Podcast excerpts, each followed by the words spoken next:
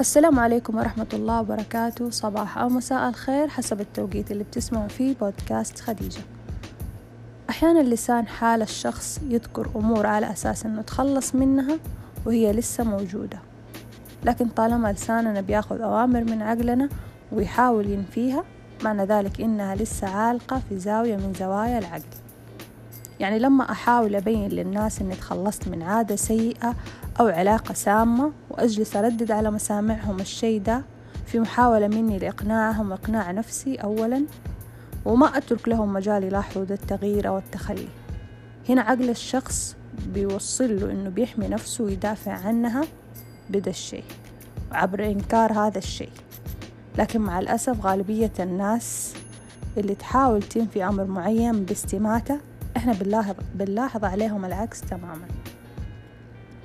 ممكن الإنكار يفيدنا عقليا ويتعود العقل على الإنكار ده ويفيدنا في التخلص فعلا من هذه العادة أو من هذه العلاقة لما نحن بنردد على طول إن إحنا تخلصنا منها وبنحاول ندعي الشي ده.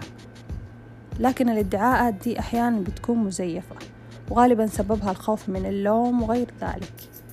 وفي الحقيقة لو الشخص تجاوز وتخطى مرحلة معينة أو شخص معين راح يتخطى التفكير حتى فيه لفترات متباعدة لدرجة ما يشعر فيها حتى أنه نسي ويكون منغمس في أمور أخرى.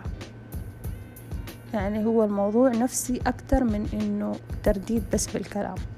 فزي ما قلت ممكن الكلام يساعدنا مبدئيا ويحاول يخلي العقل يتكيف ويتحفز على الموضوع ده وينسى الشخص أو يحاول يقلع عن العادة السيئة اللي بيحاول يتخلص منها.